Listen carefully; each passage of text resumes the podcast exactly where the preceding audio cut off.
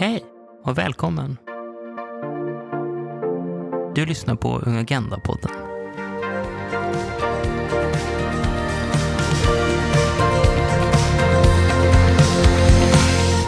Hej allihopa, välkommen till Ung Agenda-podden. Det här avsnittet fokuserar vi igen på EU. Elsie och Hanna är med mig. Och det är ett spännande avsnitt eftersom vi är alla utspridda i landet och Elsie är fortfarande i Amsterdam. Men först, Elsie och Hanna, hur är läget med er och vad har hänt sen sist vi sågs? Det är bara bra med mig. Eh, vad som har hänt sen sist? Jo, jag och Hanna har varit på ungdomskonferens. Eh, den skulle vara i soliga, varma, fantastiska Portugal. Ehm, men den togs hemma istället. Nej, men det var jätteintressant. Vi, eh, vi var uppdelade i grupper och jobbade med de olika delmålen i Europeiska ungdomsstrategin. Ehm, jag jobbade bland annat med lika, lika tillgång till beslutsprocesser ehm, för unga från olika delar av samhället. Ehm, och Hanna har jag för mig jobbade med ungas representation i beslutsfattande organ. Väldigt spännande. Fick eh, prata med fler politiker och jag har ju haft beef med Tysklands minister för ungdomsfrågor tidigare ehm, och har lyckats bli sur på fler politiker. Ehm, så att, ja men allting är i sin ordning då. Ja, hur är det med dig Hanna då? Det är bara bra med mig. Jag börjar bli lite trött efter en, en lång jobbdag men ser fram emot att uh, prata med er nu.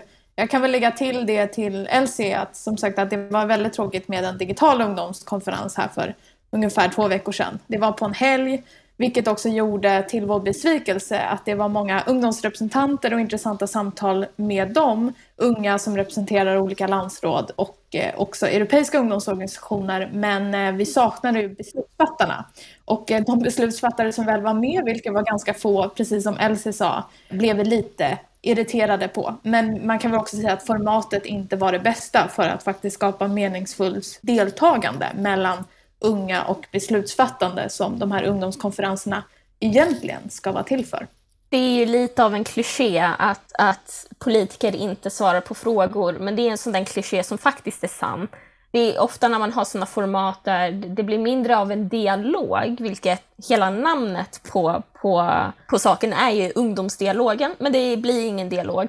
Då låter det som att allting är i sin ordning. Eh, ni är trötta på politiker, är fortfarande arga på dem och eh, dialogen saknas fortfarande. Så det låter som att eh, det, det är hela poängen med den här podden, hela poängen till varför vi pratar om de här frågorna. Problemen är kvar och ni har problem på EU-nivå och på nationell nivå. Och eh, det här avsnittet ska ju prata om eh, eh på lokal nivå, öka ungas, liksom, öka ungas demokratiska utrymme på lokal nivå och hur den ser ut. Eh, hur kommer det sig att ni valde just det här ämnet och hur kopplas det här, liksom kommunen, kommunernas ansvar med EU?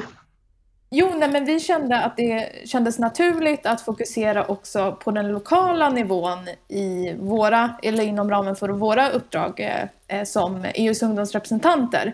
Eh, dels för att EUs ungdomsdialog faktiskt handlar om alla politiska nivåer. Det är inte bara Eh, fokus på EU-programmen och EU-politiska beslut utan det är också nationell, regional och lokal nivå. Ehm, och där ska ju tilläggas att ehm, ungdomspolitiken är en nationell kompetens som det kallas. Att, att EU har, kan bara lämna rekommendationer till, till medlemsländerna eh, och hoppas att man genomför det i linje och att det sker så, så liksom systematiskt i alla medlemsländer som möjligt för att ge unga samma chans och möjligheter i alla medlemsländer. Men det är också så att det fokusområdet eh, och det målet som jag och Elsie arbetar med handlar ju just om ungas utrymme och deltagande i demokratiska processer. Och var är det kanske som man ung främst vill kunna delta och påverka beslutsfattandet? Jo, det är ju ofta i den kommunala nivån. Framförallt när man är ung, man går i skolan, eh, utrymmet, möjligheten och de fysiska platserna man har. Så vi kände att även om det är viktigt att också ta upp nationella frågor och EU-frågor så vill vi inte tappa det lokala perspektivet. För att det spelar ju väldigt stor roll för ungas reella möjlighet att kunna eh, delta och påverka eh, beslutsfattande. Och för att liksom veta lite mer om det här och hur det ser ut i läget så har vi ju med oss en gäst, Lilian Helgasson. Berätta Lilian, vem är du och vad gör du? Ja, eh, nej men jag heter ju då som sagt Lilian Helgasson och jag sitter för nuvarande som ordförande för Sveriges elevråd som är en organisation som samlar ja, men elever på övre grundskolan, så det är sexan till nian i elevråd. Och eh, vi som organisation är väldigt så egentligen fristående från våra elevråd. Vi säger inte till dem vad de ska arbeta med och de behöver inte, det är inte som att vi driver politik som de behöver eh, lyfta för sina medlemmar utan vårt uppdrag är att ge dem support i olika former eh, genom material och så vidare eh, för att de ska kunna driva det arbete som de vill driva. Och sen, sen förra veckan så är jag inte detta längre men sedan ungefär vad är det, fem år tillbaka har jag också suttit på då kommunal nivå som ordförande för Göteborgs ungdomsfullmäktige. Men ja, som sagt så avgick jag förra veckan. Så det, det har varit en vecka av eh, sorg kan man säga. Du kommer få möjlighet att berätta lite mer om eh, hur, hur den erfarenheten varit och vilka lärdomar du tar med dig. Men först och främst, vi har alltid en fråga som vi ställer till alla gäster. Eh, vilken stad eller ort som är eh, liksom ens favorit i EU eller Europa. Vi, helst EU, men vi förstår också. Det, det är vissa länder i Europa som inte är medlemmar i EU, så då vill vi vara inkluderande. Så, så vilken stad är din favorit? Eh, Reykjavik, eftersom jag är halvislänning och eh, känner mig starkt kopplad till min liksom, till min hemma, hemmastad. Du nämnde att du är liksom ordförande i Sveriges elevråd. Kan du berätta lite grann, hur gjorde du en resa liksom från oengagerad till ordförande? Oj, ja det här är en lång väg ska jag säga. Um, nej men jag är väl lite som Elsie. Alltså jag tyckte väl att det var väldigt mycket orättvisor när jag gick i liksom, grundskolan. Det var mycket så eh, lärare som inte lyssnade och Ehm, det fanns väldigt mycket så det fanns mycket orättvisor som jag helt enkelt inte tyckte om. Eh, och då uppmuntrade en lärare mig faktiskt att, att kandidera till ungdomsfullmäktige i Göteborg som är, det är som kommunfullmäktige men för ungdomar. Så man blir fortfarande folkvald och eh, man liksom, ja, vi fungerar nästan exakt likadant som kommunfullmäktige. Och det var när, när kommunfullmäktige liksom byggde ungdomsfullmäktige så var det väldigt mycket så att de hade i åtanke att det skulle se väldigt eh, likadant ut. Så det var väldigt, det var väldigt kul att få att sen när jag, när jag väl, eh, jag, jag lyssnade inte på den här läraren kan jag säga. Eh, utan jag, det tog några år innan jag eh, i sjuan kandiderade till ungdomsfullmäktige och blev invald. Och därifrån Alltså, när man, när man liksom är så tidigt och när man precis bara hittat sin eh, liksom spark så, så vet man kanske inte riktigt vilka ämnen man brinner allra mest för. Och man vet inte exakt hur man ska, ja, men hur man ska agera i liksom det politiska rummet. Man vet inte riktigt var man kan ta makt och ta makt, men var man kan hitta processer man kan förändra. Så det tog väl lite tid innan jag hittade mitt och hittade hur jag ville påverka och vilka ämnen jag tyckte var speciellt viktiga. Men eh, jag jobbade väldigt mycket med psykisk ohälsa eh, i ungdomsfullmäktige och eh, eh, ja, men alltså att så ungas rättigheter i allmänhet egentligen. Och sen ska vi se. Ja, sen så var det en som också sitter i ungdomsfullmäktige som var valberedning åt Sveriges elevråd ett år. Och han tyckte att jag skulle passa jättebra eh, i Sveriges elevråds styrelse. Och liksom vid den här tidpunkten så hade jag redan blivit ordförande för ungdomsfullmäktige Eh, och hade suttit där i några år. För det var inte förrän förra året egentligen som jag kandiderade till styrelsen för Sveriges elevråd och blev invald. Och där tror jag att jag hittade riktigt, alltså den här, för jag har alltid haft en sån otrolig kärlek till elevrörelsen och, och ungdomsrörelsen. Jag tycker att den är så otroligt inspirerande och det finns så mycket drivkraft i den och det finns så mycket liksom eh, det finns så mycket vilja och så mycket, man känner sån, liksom, ett sånt starkt typ hat mot orättvisor verkligen. Ehm, men det var liksom när jag satt där i styrelsen som jag fick så verkligen känsla för att jag brinner för att ge så mycket rättigheter till ungdomar som möjligt och kanske inte att här, ge nya rättigheter men att se till att de rättigheter som ungdomar har faktiskt säkerställs och att de eh, har tillgång till dem. Eh, så just nu så jobbar jag extra mycket med ja, men att unga ska ha rätt till liksom, en likvärdig skola och att eh, vi ska se till att ja, även om vi lever i en coronapandemi så finns det ju ingen ursäkt till att eh, ja, men inskränka på elevers rättigheter. Så det, ja, det är så otroligt kul att få jobba med de här frågorna som, man, som gör en så arg och så väldigt glad samtidigt. Så. Jag vill bara säga att jag blir så imponerad när jag hör om din resa Lilla, men också det Elsie sa, eh, att man från ganska tidig ålder kände att det här är inte rätt, jag vill göra en förändring. Vad var det som fick dig att känna kanske, för det är ganska modigt, att känna att nu men jag, jag vill göra någonting åt det. Var fick du den eh, liksom styrkan, kanske stöttning ifrån? Gud, vilken, eh, vilken fråga. Var hittar man sitt mod egentligen? Alltså, jag tror att så här, jag är sån som person som inte riktigt kan eh, sitta still och vara tyst liksom.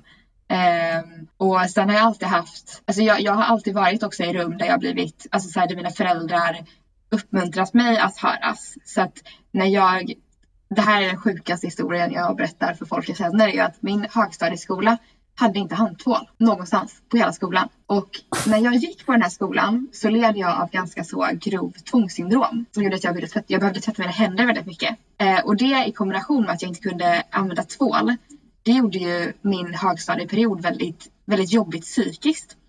Eh, och hela anledningen till att vi inte hade handtvål var att några år tidigare så hade några elever smetat handtvål på väggarna och då kände de att vi absolut kan gå emot alla regler som finns i boken om att det ska finnas liksom drägliga, ja, men en dräglig arbetsmiljö för elever där de, alltså där de jobbar och där de liksom går i skolan. Eh, och de bara tog bort tvålen.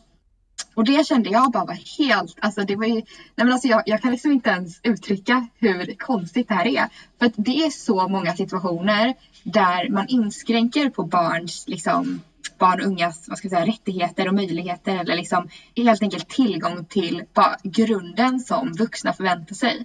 För att det hade ju aldrig godtagits att de vuxna inte hade kunnat ha tvål på sina toaletter. Jag, jag var bara, jag tror att det kommer ju från att så här, när, jag, när jag pratade med folk som, eh, ja, men som mina föräldrar eller som, som unga i min omgivning så uppmuntrades jag ju alltid att, att lyfta detta. Och jag har väl alltid känt en väldigt så stor trygghet i mig själv att jag vill verkligen göra vad jag känner är rätt. Så, så det, det är väl därför jag, så jag har hittat mitt mod.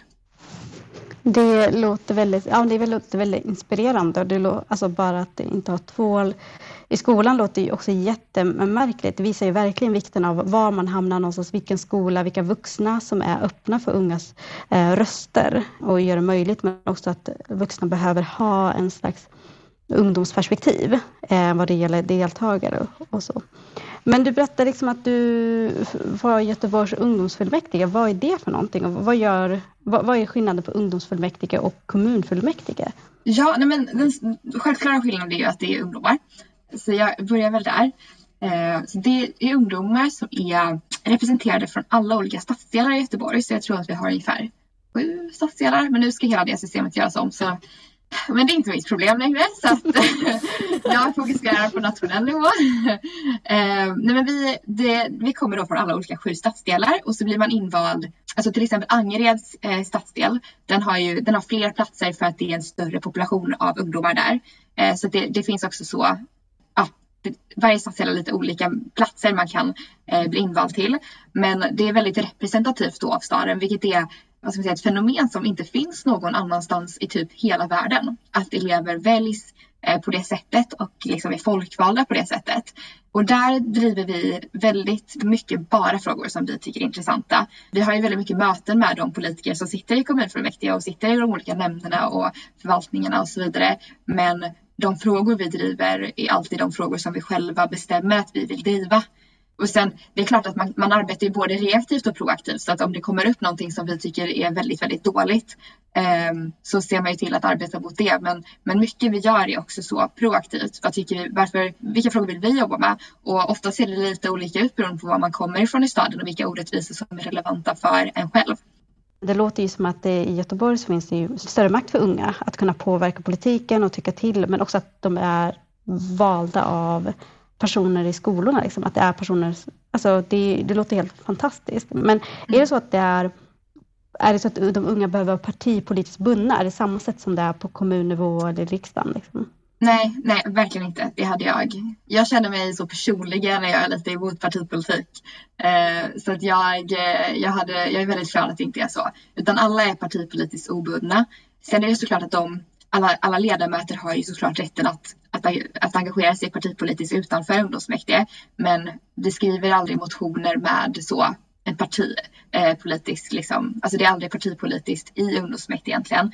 Eh, sen när jag har suttit i presidiet så är det väl praxis där att vi överhuvudtaget inte uttalar oss partipolitiskt eller engagerar oss i partipolitiska, eller i partier, eh, ungdoms, ungdomsförbund. Så att vi, eh, där är det lite mer så specifikt. Men i allmänhet så är inte forumet partipolitiskt.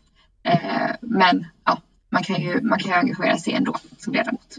Jag tänkte när du pratar om eh, partipolitik, jag var lite intresserad av, jag tänker på den kontexten i Göteborg, där man eh, under den tiden du var engagerad så bytte man politiskt styre.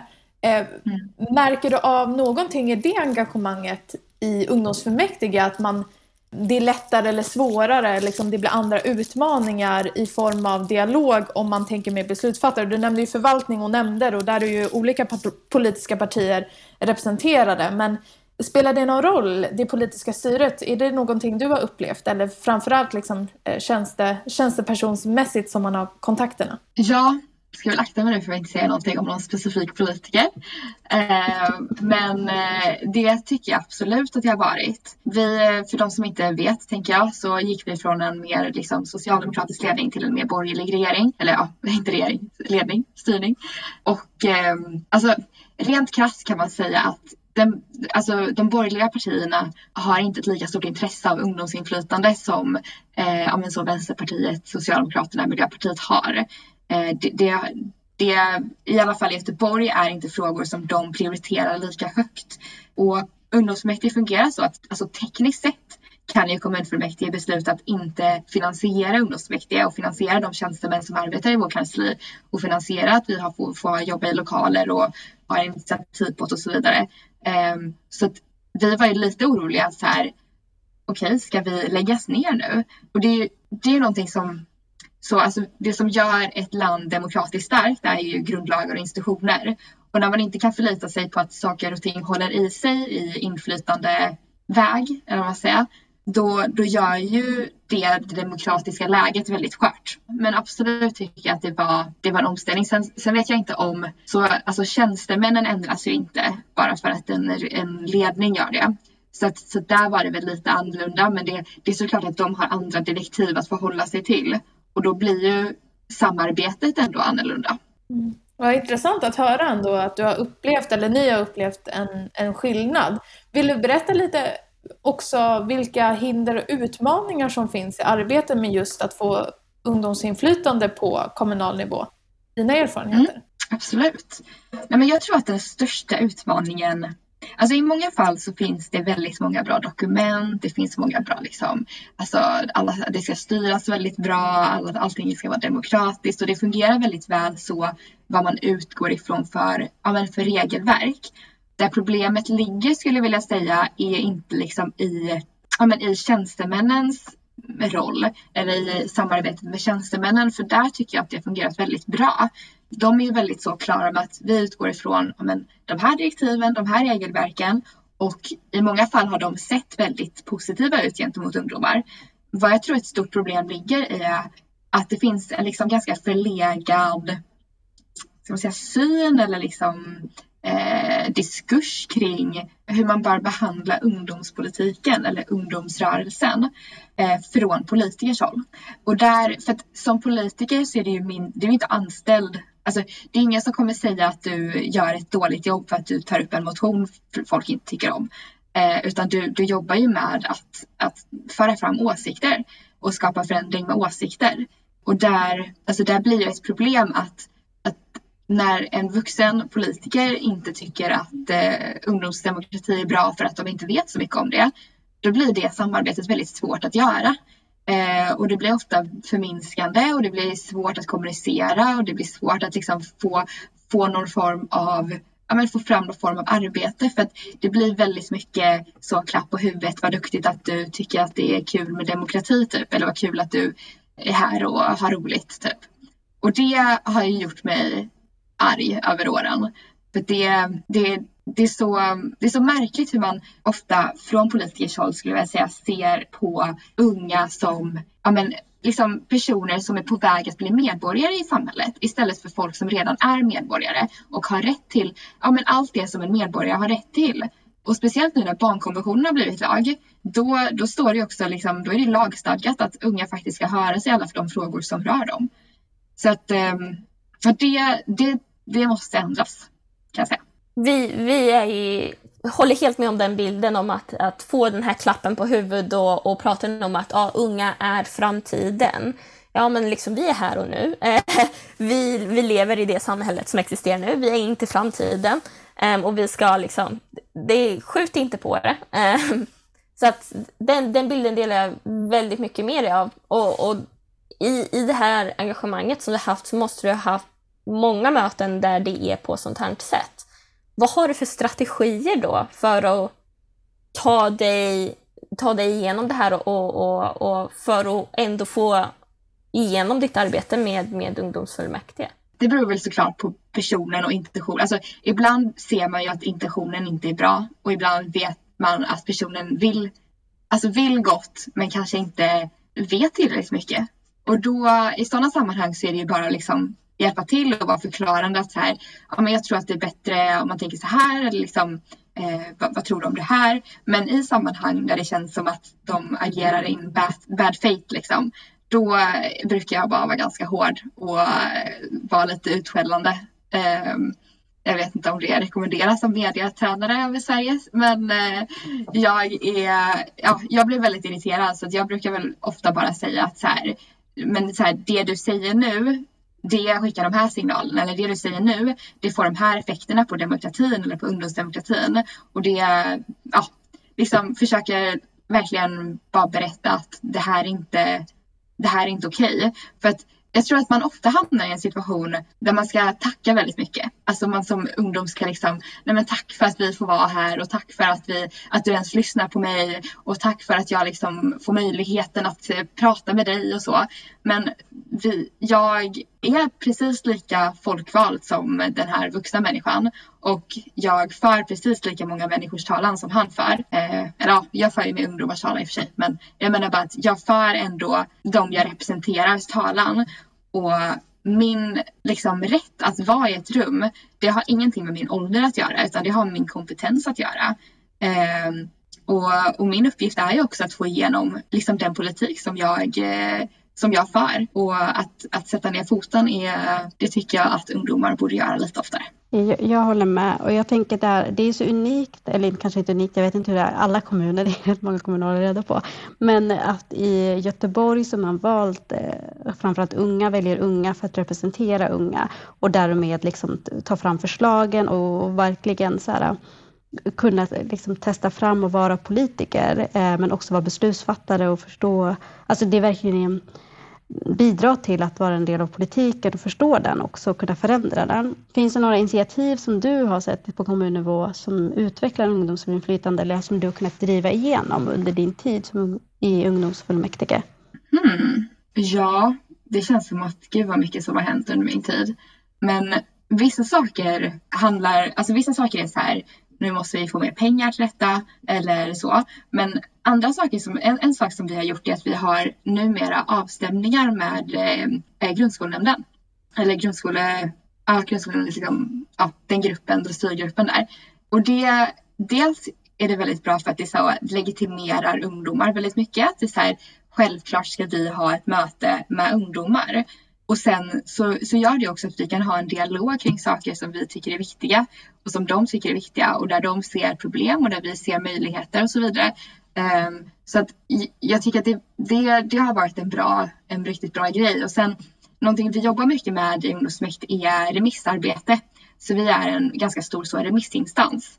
Eh, och tack och lov för att vi har ett kansli som kan jobba med oss. Eh, för att det hade varit mycket jobb på oss annars. Och där är det ju liksom, ja men varje vecka så är det initiativ som vi får väldigt mycket inflytande i och där vi liksom verkligen kan höras i frågor som ja, men där besluten inte är tagna än. För det tycker jag också är ett stort problem att så här, ibland så frågar man ungdomar vad de tycker om någonting när det är genomfört istället för att fråga dem innan det är genomfört. Det är så här, jag tror att det var någon gång, jag ska inte säga vilka jag jobbade för eller vilken situation det här var, men jag fick en fråga om det dummaste, den dummaste satsningen jag hört i hela mitt liv eh, efter att de hade betalat för den här satsningen och eh, det kändes otroligt meningslöst. vad ska jag, ska jag säga nej och så händer ingenting ändå. Så att, eh, det här ställdes också in på grund av corona så att jag är lite glad på grund av det. Var det en staty på Greta för att visa unga liksom deras engagemang hörs? Det var dummare. Det var väldigt mycket Okej. dummare. Jag vill gärna. Du kan få berätta det sen off the record.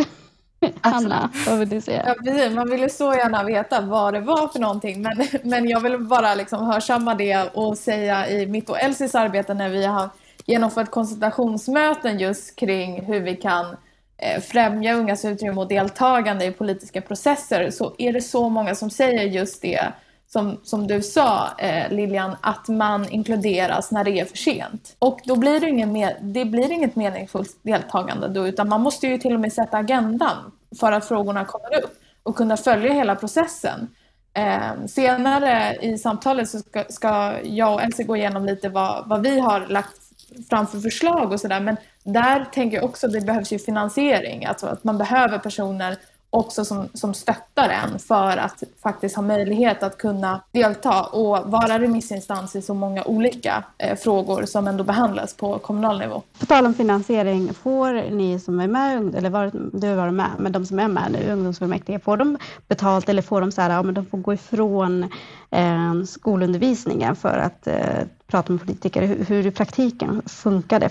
Ofta, alltså, ofta så, det är ju en sak om, det handlar ju också om tillgänglighet. Hur det, det är ofta lite diskriminerande när vuxna lägger möten med elever typ ett på dagen eh, då vi faktiskt går i skolan. Eh, men i sammanhang där vi verkligen behöver gå ifrån så brukar vi få det och vi brukar i de sammanhang där man inte heller bara kan, ja, men ibland säger man bara till sin lärare och så är det okej men vi brukar också kunna få så, ja men ett, eh, ja men så, vad heter det, papper på att man får gå eh, av just Göteborgs stad. Eh, men vi får inte betalt. Eh, vi får liksom ingen, vi, får inget arvode eller lön. Eh, och det är någonting som jag också sett på håll i Göteborg att så här, eh, jag vet att Göteborg Company har en, eh, en grupp som jag precis också avslutat mitt arbete i eh, där man, där det är liksom en konsult, alltså det är ungdomar som sitter i en grupp som fungerar som ungdomskonsulter skulle man kunna säga. Eh, och där har man fått lön för allt arbete man gör. Så det, för det är också ett väldigt så stort erkännande att det man gör faktiskt är eh, på riktigt och att man inte bara gör någonting som är ja, men så här, välkommen till en typ, fritidsverksamhet. Eh, för att ja, nej, men man, man gör faktiskt riktigt arbete. Och eh, ett, nu kanske tillbaka till EU-fokuset. Eh, hur jobbar Göteborgs kommun och hur jobbar ungdomsfullmäktige med eh, EU-frågor och hur involveras unga i de frågorna? Har du någon liksom, inside info som vi kan få? Ja, alltså, ja, alltså som ni säkert har väldigt bra koll på så är ju EU, alltså EU-lagar och EU-regleringar någonting som påverkar hela Sverige eh, konstant och allting som ska genomföras ska konstant kollas med om det går i linje med vad EU säger. Eh, men alltså ja, vi, har haft liksom samarbeten med, vi var, jag tror att det var några från ungdomsmässigt som åkte till Tyskland och hade något samarbete med dem i Berlin kanske eller så. Ehm, och vi har haft något tidigare arbete också med flera EU-länder men det var typ innan min tid tror jag. Ehm, där man arbetar runt inflytande. Ehm, men det har aldrig, jag tror inte det har fungerat som ett liksom kontinuerligt arbete. Utan snarare att, att det har varit så, ja ah, nu gör vi det här, vill ni hänga på? Eh, så, så, så har ungdomsfullmäktige liksom jobbat med det. Men sen hur man har jobbat i staden utöver det.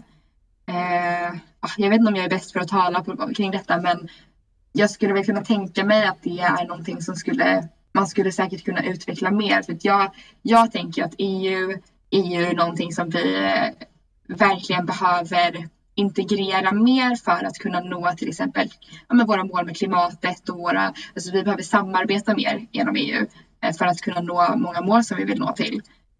Um, och jag tror kanske inte att vi gör det i nuläget tillräckligt mycket på kommunnivå.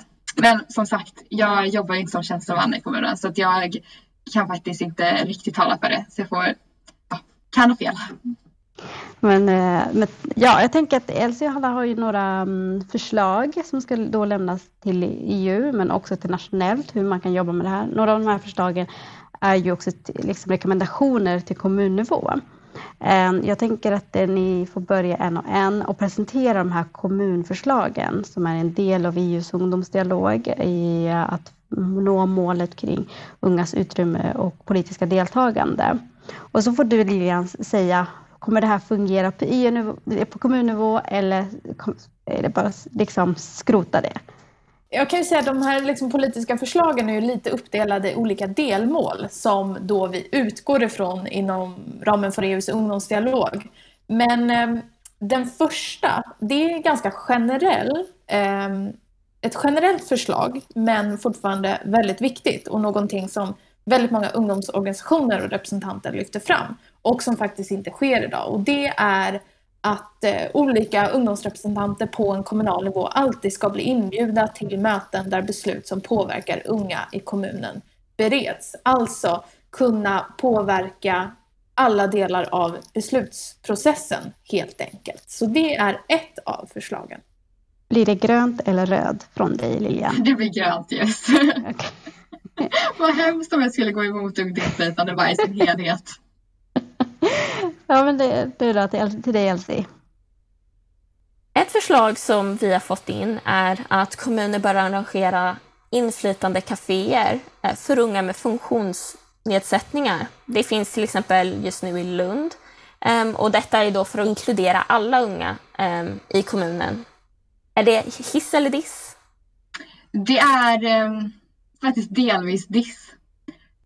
Får jag förklara lite kontexten bakom det här förslaget? Så förslaget varför det här togs upp, det var när man ska skapa strategier för hur man ska nå ut till unga.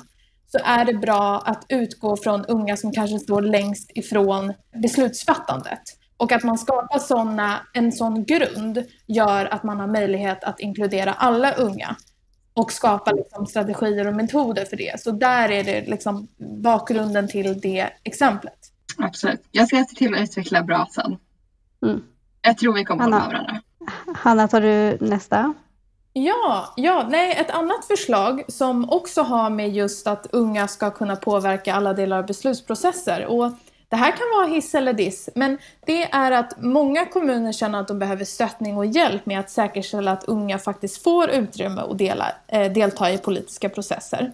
Och här är ett förslag att därför så bör MUCF få en tydligare roll där myndigheten faktiskt har möjlighet att ge rekommendationer till kommuner som vill öka barn och ungas utrymme och deltagande. Alltså gå från mer att samla statistik och visa på ungdomsdeltagande till att faktiskt ge konkreta rekommendationer för hur kommuner kan arbeta. Mm. Den får ändå en hiss. Grönt ljus. Och och sista, Elsie, tar du den? Ett exempel där är att unga finns ju på andra forum än de flesta vuxna och därför så bör politiker och ansvariga tjänstemän eh, i ökad utsträckning kommunicera med unga på digitala plattformar där unga befinner sig. Jag tror några väldigt konkreta exempel var typ TikTok och Snapchat. Eh, vad, vad, vad tror du om det? Jag tror definitivt att detta är någonting jag vill diskutera, men jag säger diss. Okej, okay, så det är två stycken. Kontroversiell jag känner mig. ja, det är jättebra. eh, då är det två stycken som du har liksom inte gett eh, ja, en grön signal på. Och då tänkte jag att vi kan diskutera lite så får du vidareutveckla de delarna. Absolut. De som du ändå håller med om behöver vi inte göra för att det, det verkar vara klockrent bra eh, rekommendationer. Så um, vad, vad, tycker du om de förslagen som du tyckte, nej men det är en diss från din sida? Ja, vad beror men, det på? Mm, jag, ska, jag vill börja med att säga att jag tycker såklart att det är så bra att man vill eh, ta initiativ för att alla ska bli, involveras i beslutande processer och speciellt de som kanske inte har samma möjlighet som alla andra och de som kanske är längre ifrån de här beslutande processerna. Sen tror jag att, att det är viktigt att belysa ett problem med det här och det är att ofta så blir det, alltså ofta när man ska, man ska få igång ungt inflytande så gör man väldigt så, alltså så här punktinsatser om man säger. Man gör, en, man gör en insats och sen så typ, eh, ja, ligger de papperna på hög och så händer det inte så mycket med dem. Eh, speciellt tror jag på kommunal nivå. Eh, och det jag tror är viktigare är att vi skapar liksom en kontinuitet i att de här människorna inblandas i de beslutande processerna som de inte inblandas i. Eller att man, att man, att man liksom stärker de, om de forum och de sammanhang där det är viktigt att unga hörs. Vilket jag skulle vilja säga i alla sammanhang. Så att där tror jag till exempel att det är väldigt viktigt att vi stärker elevråd och att vi stärker eh, ja, men elevråds möjlighet att, att ha att ha liksom en bred verksamhet och att ha liksom kontakt med hela skolan och där alla tillåts vara engagerade i elevrådet. Och jag tror att sådant som ungdomsmäktige till exempel, där, där det fungerar mer långvarigt. För att där jag har sett ett problem tidigare är när man ska Ja, men vi, vi ses på stadsbiblioteket en kväll och pratar. Eh, det, det är en stor risk i att det inte leder någonstans. Och det är... Alltså, jag vill inte säga att det är respektlöst, men det är jag tror att det är en miss vi inte behöver göra för de människor som faktiskt inte har möjlighet att, till inflytande på samma sätt som andra. Att, att liksom, ja, men skapa forum som kanske inte funkar. Så att, ja, jag är egentligen inte emot att man samlas och pratar och liksom att, det är, att det är bra initiativ. Men jag ser en risk i att det kan bli flyktigt. Ni får jättegärna gå emot mig förresten. Jag tycker det var jätte, jättebra medskick, eh, verkligen. Och ehm, just det du säger med liksom punktinsatser, där har vi också hört att när ändå kommuner gör det och inte skapar en kontinuitet, problemet är att man får ju ofta inte reda på utvärderingen av det eller hur man har tagit vidare. Och då behöver det som om vi inte säger att vi tar inte bort det alternativet, men det behöver kompletteras med långsiktiga insatser som har resurser där man kan arbeta eh, kontinuerligt. Mm. Ta inte bort det, men vidareutveckla.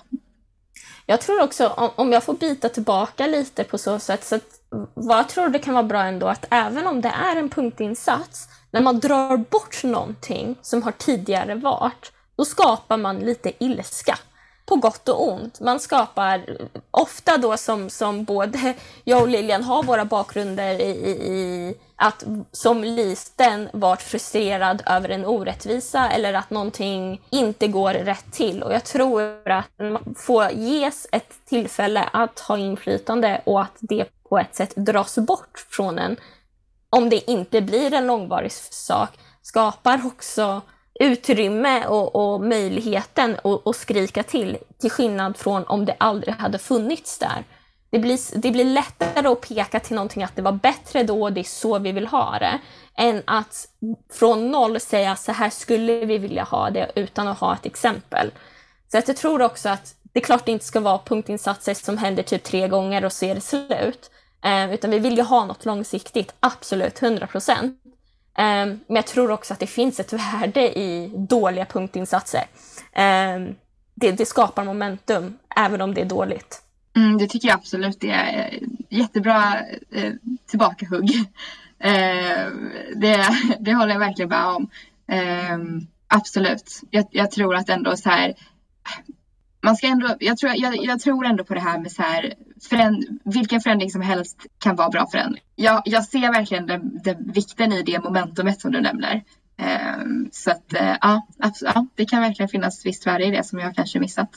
Så uh, mer långsiktigt inte så mycket fokus på punktinsatser och någonting som dras ifrån. Sen var den andra, det var ju där politiker ska vara plats, digitala platser där unga är. Eh, och det sa du också diss till. Eh, vad, hur resonerar du där? Det här var nog en hårdare diss. Jag tror så här, två, två, liksom, jag tror det är två sidor av det här mötet. Dels så tycker jag att det är väldigt viktigt att unga tillåts äga sina arenor. Och jag tror också att det finns arenor där unga inte vill ha vuxna. Men också, det är också viktigt att ha i åtanke att till exempel Snapchat, det är en plattform som inte riktigt ämnar sig åt, alltså det ämnar sig väldigt bra åt vänner man känner, men det ämnar sig ganska dåligt åt folk man inte har, redan har kontakt med. Och man har ju sällan kontakt med en politiker liksom dagligen.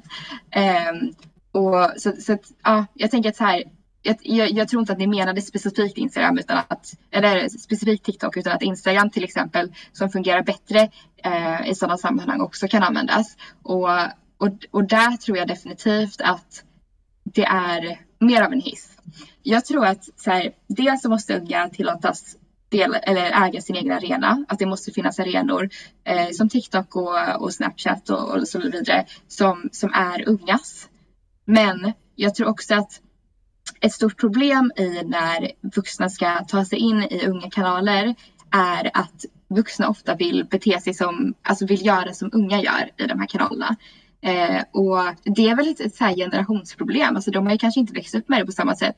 För att det som, det som är ja, men, genuiniteten och det som är det positiva med sådana här plattformar är just när man är sig själv. Och eh, ja, men när man pratar om problem som man känner för på riktigt. Eh, för, att, för att Snapchat är inte till för att eh, hålla på att, eh, ja men eh, det är inte till för massa propaganda där vuxna ska försöka övertala unga. Utan jag tror att, alltså, ett, ett exempel, jag vet inte om ni vet vem eh, Alexandria Ocasio-Cortez är i USA. Hon är en politiker som, som är ung och en av de yngsta kongresskvinnorna någonsin. Eh, och hon har ju eh, tagit då sociala medier med storm, verkligen. Och jag tycker att hon har ju hanterat det väldigt bra på det sättet att hon möter sina väljare på ställen där de kan nå henne ordentligt, till exempel kanske inte hos Snapchat. Och hon gör det genom att vara väldigt tydlig sig själv. Um, sen, sen så, för att, eftersom det finns såklart sätt att nå henne och se hennes politik eh, ja, men, ja, men på mer, mer officiella sidor. Men där man vill liksom få en djupare förståelse eller där man vill lära känna även henne. Där tror jag att det kan vara positivt absolut att använda sociala medier. Eh, men jag vet att det hon brukar säga till sina äldre liksom, kongress, kongressmänniskor är ju att eh, liksom var verkligen bara dig själv. Om du är en, vad sa hon sa typ, om du är en mamma som gillar att eh, eh, hålla på i trädgården så ska du också prata som en mamma som gillar att hålla på i trädgården. Liksom. Var, det, var det ett bra svar? Jag vet inte vad, ni får jättegärna, ni får jättegärna hugga tillbaka här också. Det, alltså jag tycker det är jätteintressant för på ett sätt som man kan säga att det in, sociala medier är lite av en Alltså det är en fön, alltså affärsfönster, du vet, där man har mannekänger och grejer. Nu kommer jag inte ihåg vad butiksfönster heter det på svenska. Ja. Sociala medier är lite av ett butiksfönster och det som, som är värre än att inte ha ett butiksfönster, det är ju att ha ett dåligt butiks, eh, butiksfönster. Um, så på så sätt, en, en dålig Instagram-sida eller en dålig TikTok-profil, jag, är, jag vet inte om jag är ung nog för det här, um, och uh, en, en misskött Snapchat-story, det, det, är liksom, det är värre än att inte ha de här sociala medierna alls. Och, och någonting faktiskt som du sa som jag faktiskt inte tänkt på, det är ju det här genuiniteten och, och, och att det, det som vi tycker om, vi unga, med det här, det är att vi kan vara oss själva. Men politiker, när de försöker vara oss, tappar det genuina. Um, det tycker jag är jätteintressant och det tycker jag är verkligen någonting som, som ja, deras pressstab kanske ska lyssna lite in på. Uh, jag vet inte vilken, uh, vilket håll man drar det här men uh, jag tror det är verkligen, det, det, har verkligen, just den här genuiniteten tror jag är superviktig. Jag tycker också det du sa var jättebra Lillan. Det enda jag tänker är ju det blir lite balansgång kring att inte ta ungas utrymme men också att vi har en situation idag eh, med vi har inte bra ungdomsinflytande över, över politiska frågor. Det är äldre personer som fattar de politiska besluten men de interagerar inte alls med unga. Och var mm. kan man hitta unga, exempelvis på sociala plattformar? Så det är väl det liksom. Och jag tror också att den politiska re rekommendationen och det förslaget kom för att man såg ett problem och så här, hur ska vi möta det? Och det finns ju inga enkla lösningar, men det är, det är en tuff fråga för det är, man får inte göra det på fel sätt för då blir det väldigt fel helt enkelt. Det är lite som att så här, skapa digitala plattformar och nya hemsidor varje år som ska vara en plattform för unga. Men det är inte unga som har gjort hemsidan och det är, man, man slänger bara pengar i sjön. Om man kan ta det som exempel. Vi behöver avrunda nu, men jag, eh, det låter som att vi behöver diskutera det här mer och de här rekommendationerna och det kommer ju Elsie och Hanna göra. Så att gärna så att eh, vi, ni kommer och besöker Sveriges elevråd och pratar om det här och att ni får ge inspel. Alltså, det vill vi jättegärna att medlemsorganisationer ger inspel och kolla på de här rekommendationerna och verkligen så bryter ner vad betyder det här i praktiken? Vad kommer det här betyda för unga ehm, eh, som är i skolan eller liksom är, sitter i fritidsgården? Är det här vad de vill? Och det enda sättet vi eh, kan se till att det finns legitimitet i de här rekommendationerna är ju att testa dem och eh, låta dem tycka till så som Lilian fick göra nu. Eh, så mm, det vore jättekul ehm, eh, att liksom få, få göra en sån besök. Så min sista fråga är, hur, hur blickar vi framåt? Jag tänker kanske att ni får berätta lite kort ehm, två saker som man får ta med sig från det här avsnittet. Eh, så um, då får du börja Elsie, två saker från det här avsnittet som eh, lyssnare ska ta med sig. Jag måste säga att det här har varit jätteintressant, men det är två sakerna jag kommer verkligen ta med mig. Det är det Lilian sa om um, om att kräva sin plats. Um, du ska inte tacka för att du får möta en politiker, De, utan du, har därför, du är där för att du har en rätt och du är medborgare och, och det här är en del av liksom, din, ditt deltagande i demokratin. Um, det tycker jag är jätteviktigt och vi ska, bli, vi ska vara kaxiga. Um, det, det, det är jag 100% med på. Jag tycker det är superkul att, att, att se det i praktiken. Sen tycker jag verkligen det vi pratade om sist nu, det här genuina um, delen av, av möten mellan politiker och, och ungdomar. Jag tror att vi kan komma så långt om, om, om, om oss, oss ungdomar slutar leka vuxna. Vi får vara ungdomar och syssla med de frågorna vi vill driva. Men också att vuxna slutar försöka vara ungdomar i möten med ungdomar, utan är genuint eh, autentiskt sig själva. Hanna, tänker jag gästen sist. Ja, jag håller helt med dig Elsie. Det jag kan tillägga att jag tar med mig från det här avsnittet är ändå ja, men lite, lite positivitet och eh, att det finns bra strukturer på plats i alla fall i en stor kommun i Sverige. För att det vi ofta hör är ju att, att mindre än hälften av unga liksom tycker att man har möjlighet på en kommunal nivå att framföra sina åsikter. Sen uttrycker du att det är långt ifrån perfekt, men i alla fall att strukturen finns där och att det finns resurser.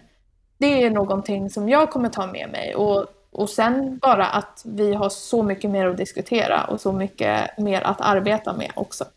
Definitivt. Um, Ja, gud, alltså jag tar ju allting med mig. Men uh, jag tänker att jag tänker, det första var att jag tyckte det var väldigt så här, jag tycker den sista konversationen vi hade nu om, om eh, politiker eller vuxna på sociala medier var väldigt intressant och att den här balansgången är någonting som jag gärna skulle vilja så här, kolla närmare på och så här, hur, för det måste, det måste ju finnas en, man, måste kunna liksom ta ut någon plan. Liksom. Det måste finnas, man måste kunna ta fram riktlinjer, vad man säger. Um, så det känns som någonting jag skulle jättegärna vilja sätta mig och titta på. Um, och sen får man ta en annan persons. Är det okej? Okay?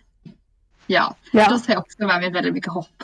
Det känns som att så här, bara den här podden och liksom det ni jobbar med och allting som händer i EU just nu och, och så.